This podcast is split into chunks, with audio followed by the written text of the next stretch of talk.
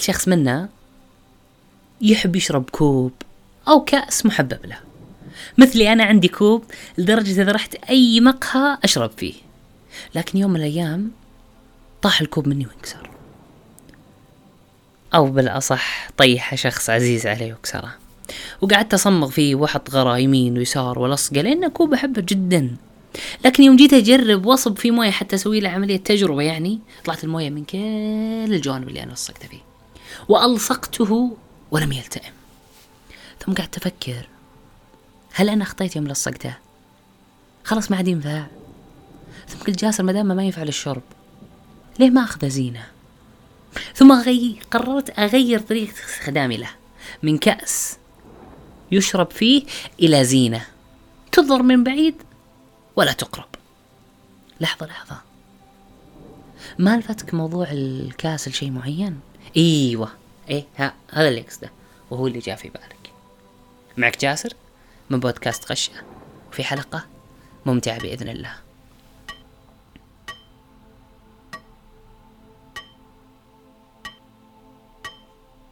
كثير من العلاقات اللي تمر فينا بحياتنا تجي مواقف يعني تجبرنا أو مواقف نخطي فيها ونكسرها وبعضها ما تنكسر بس تنشرخ.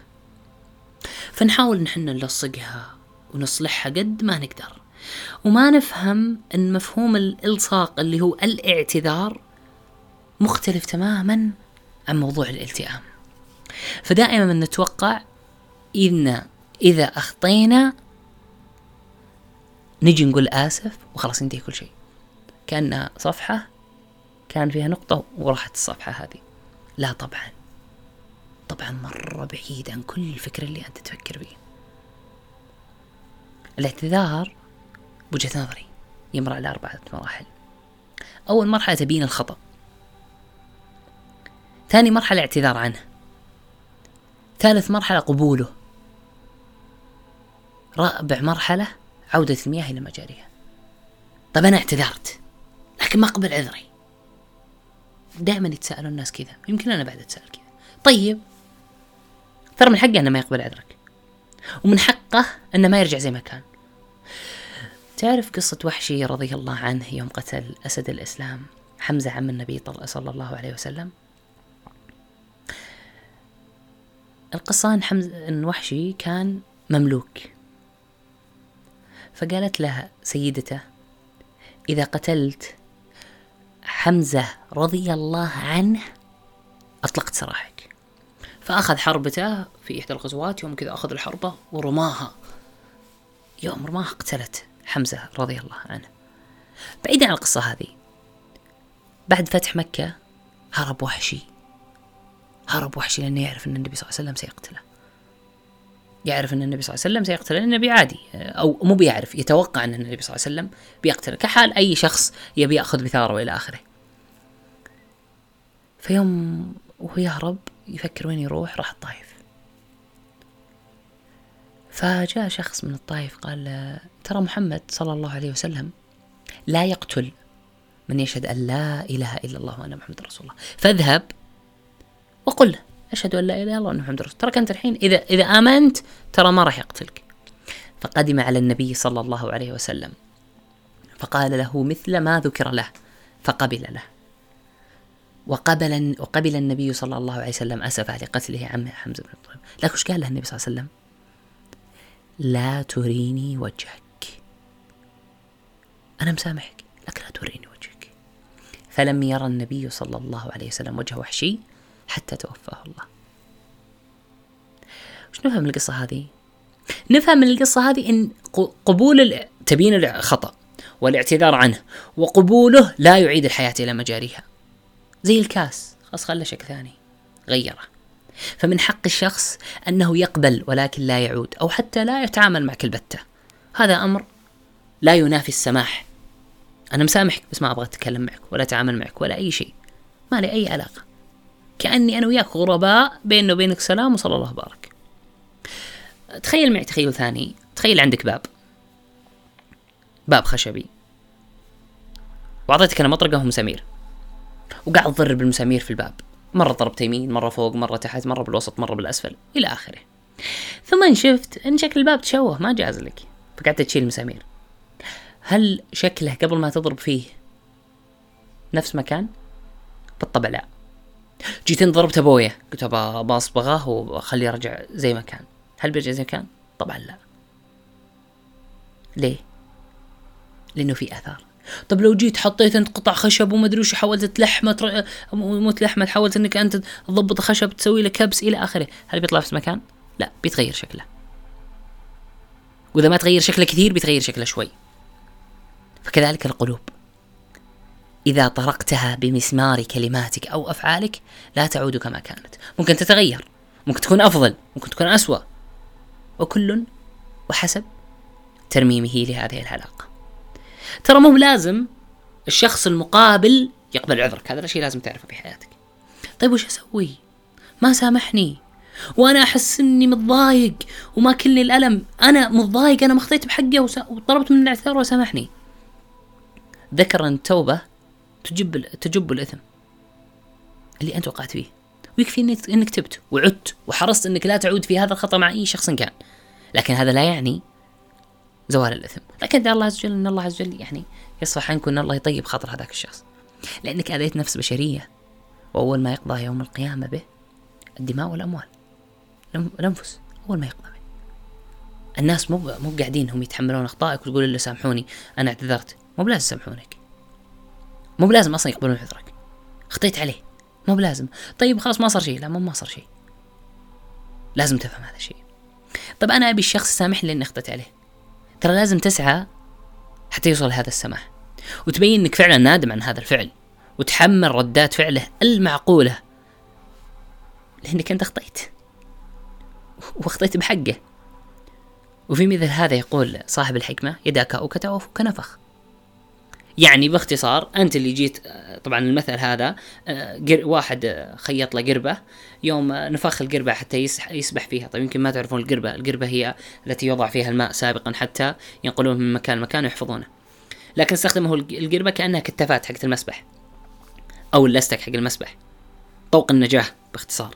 فلبس الكتافات أو القربة هذه وتفخها يوم تفخر ربطها يوم أول ما وصل نص المهر غرق. فجاء واحد قال لي ذاك اوكتا وفوك نفخ. يدينك اللي حكتها وفوك اللي نفخها. ما لنا دخل فيك. أنت اللي اخطيت. فهو وش أسوي؟ هذا لازم تعرف إن هذا الشيء أنت اللي سويته. أنت سويته. لازم إنك تتحمل خطأ. ولازم إنك تتحمل ردة فعله.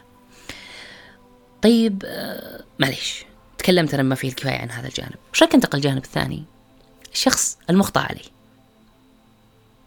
نقول بسم الله. خلوا بسم الله. أنت اللي مخطي تكلمنا عنك فوق الحين مخطئ عليه ترى أنا أعرف شعور الألم اللي وصلك. أعرف إنه ممكن أبكاك الليالي الطوال. وأبكى من تحب وآلمك وأوجعك وكدر صفوك. ممكن أرقدك في المستشفيات. ممكن فقدت في حبيب. ممكن فقدت في أم أخ صديق. ممكن وظيفة ممكن مال ممكن تضايقت ممكن بكيت ممكن تألمت ممكن جاتك الام إلى آخره. لكن بقول لك آية. الله عز وجل يقول فمن عفا وأصلح فأجره على الله. تخيل أجرك على الله. تخيل أجرك على الله. إيش تبي زيادة؟ هذا الشيء الأول. بقول لك قصة ثانية. ركز فيها كثير. أحد الصحابة يقول بينما نحن جلوس عند النبي صلى الله عليه وسلم. قال النبي صلى الله عليه وسلم عليكم الآن رجل من أهل الجنة. فدخل عليهم رجل من الأنصار. وفي وجهه ولحيته أثر الوضوء. من هذا؟ مو أبو بكر مو بعمر مو بعثمان من هذا؟ عبد الله بن عمرو بن العاص ينظر له من هذا؟ وفي اليوم الثاني قال النبي صلى الله عليه وسلم سيدخل عليكم رجل من أهل الجنة. فدخل نفس الرجل. تحجب عبد الله بن عمرو بن العاص. يا أخي شلون النبي صلى الله عليه وسلم يقول مرتين؟ في اليوم الثالث قال النبي صلى الله عليه وسلم سيدخل عليكم الآن رجل من أهل الجنة. فدخل. فعبد الله بن عمرو بن العاص قال من هذا اللي يقول أن النبي صلى الله عليه وسلم ثلاثة أيام ورا بعض أنه من أهل الجنة؟ وش مسوي؟ عشان يصير من الجنة؟ أبي يسأل من الجنة. في أحد منكم ما يبي من الجنة؟ الله يجمعنا وإياكم في مستقر رحمته مع النبيين والصديقين والصالحين والشهداء وحسن أولئك رفيقا يا رب العالمين. فتبع عبد الله بن عمرو بن العاص. ويوم دخل الرجال بيته طق الباب عبد الله بن عمرو. قال له والله أنا فتح له الباب قال له والله أنا اختلفت مع أبوي. وقلت ترى والله ما بيت في اليوم في البيت ثلاث أيام. وتكفى ضيفني عندك ثلاث أيام. قال رجع رحب بالساعة تفضل. بات الليل عبد الله بن العاص. ما شاف هذا الشخص عنده جديد من العبادات. ما يقوم الليل. يا أخي ما يقوم الليل. يوم صلى الفجر شرب موية. ما يصوم. يا ما يقوم الليل ولا ولا, ولا يصوم. ولا ويوم عبد الله بن عمرو يقرأ القرآن هذا راح السوق يدور. ما ما هو بحريص على على, على أنه يعني يذكر الله عز وجل حتى قبل صلاة الفجر. هذه الليلة هذه الليلة الأولى. والليلة الثانية نفس الشيء. والليلة الثالثة نفس الشيء. فجاء له عبد الله بن عمرو بن العاص قال شوف والله ترى أنا ما اختلفت مع اختلفت مع أبي ولا قلت له أني ما بايت في بيتك لكن إيش اسمع النبي صلى الله عليه وسلم قال في حقك إنك بتدخل الجنة ثلاث أيام ورا بعض. أنا أبي أعرف أنت شو تسوي؟ فعشان كذا أنا قلت لك اني ببيت عندك. عشان أقتدي فيك. ولكن لم أراك تعمل شيئا كثيرا. فما الذي تعمله حتى يقول عنه رسول الله صلى الله عليه وسلم أنك من أهل الجنة ثلاثة أيام. فقال الرجل عبد الله بن عمرو ما أفعل إلا ما رأيت. فقال عبد الله بن فقال فقام عبد الله بن العاص أني بمشي لكن وش كنت تسوي؟ علمني بس شيء واحد.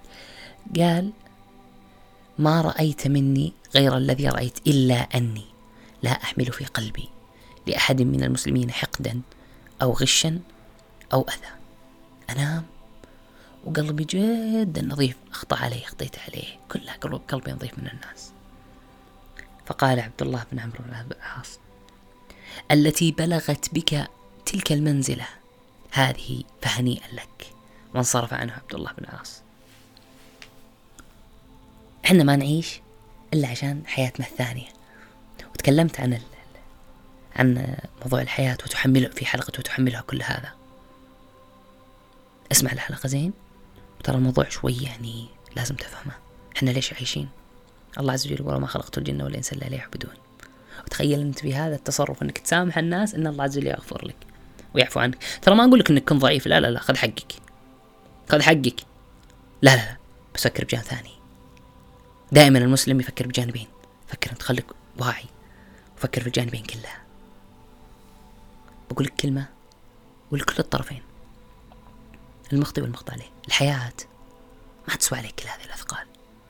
ترى بعض الأمور قشة. وإنهم مكبرينه. الاعتذار من شيم الكبار. وقبوله من شيم الكرام. والعرب سابقا كان عندهم الدية. اعتذار. وزي دائما نقول ونختم. زي ما يقول عبد الله علوش على حسب ما مرني ومن تجارب الأولين. وجهة نظر. ويجوز فيها الاختلاف والانقسام. كان معك جاسر. من بودكاست قشة إذا كان يعني عندي طلب بسيط قبل ما أقول في مان الله ودي تعلمنا تصوراتك عن هذه الحلقة وتشاركها من تحب وتعطينا جوك وأنت تسمعها بصورة أو حتى كتابة بالرد على هذه التغريدة المرسلة في آه، حساب قشة دمت بود يا جميل ومساءك سعيد.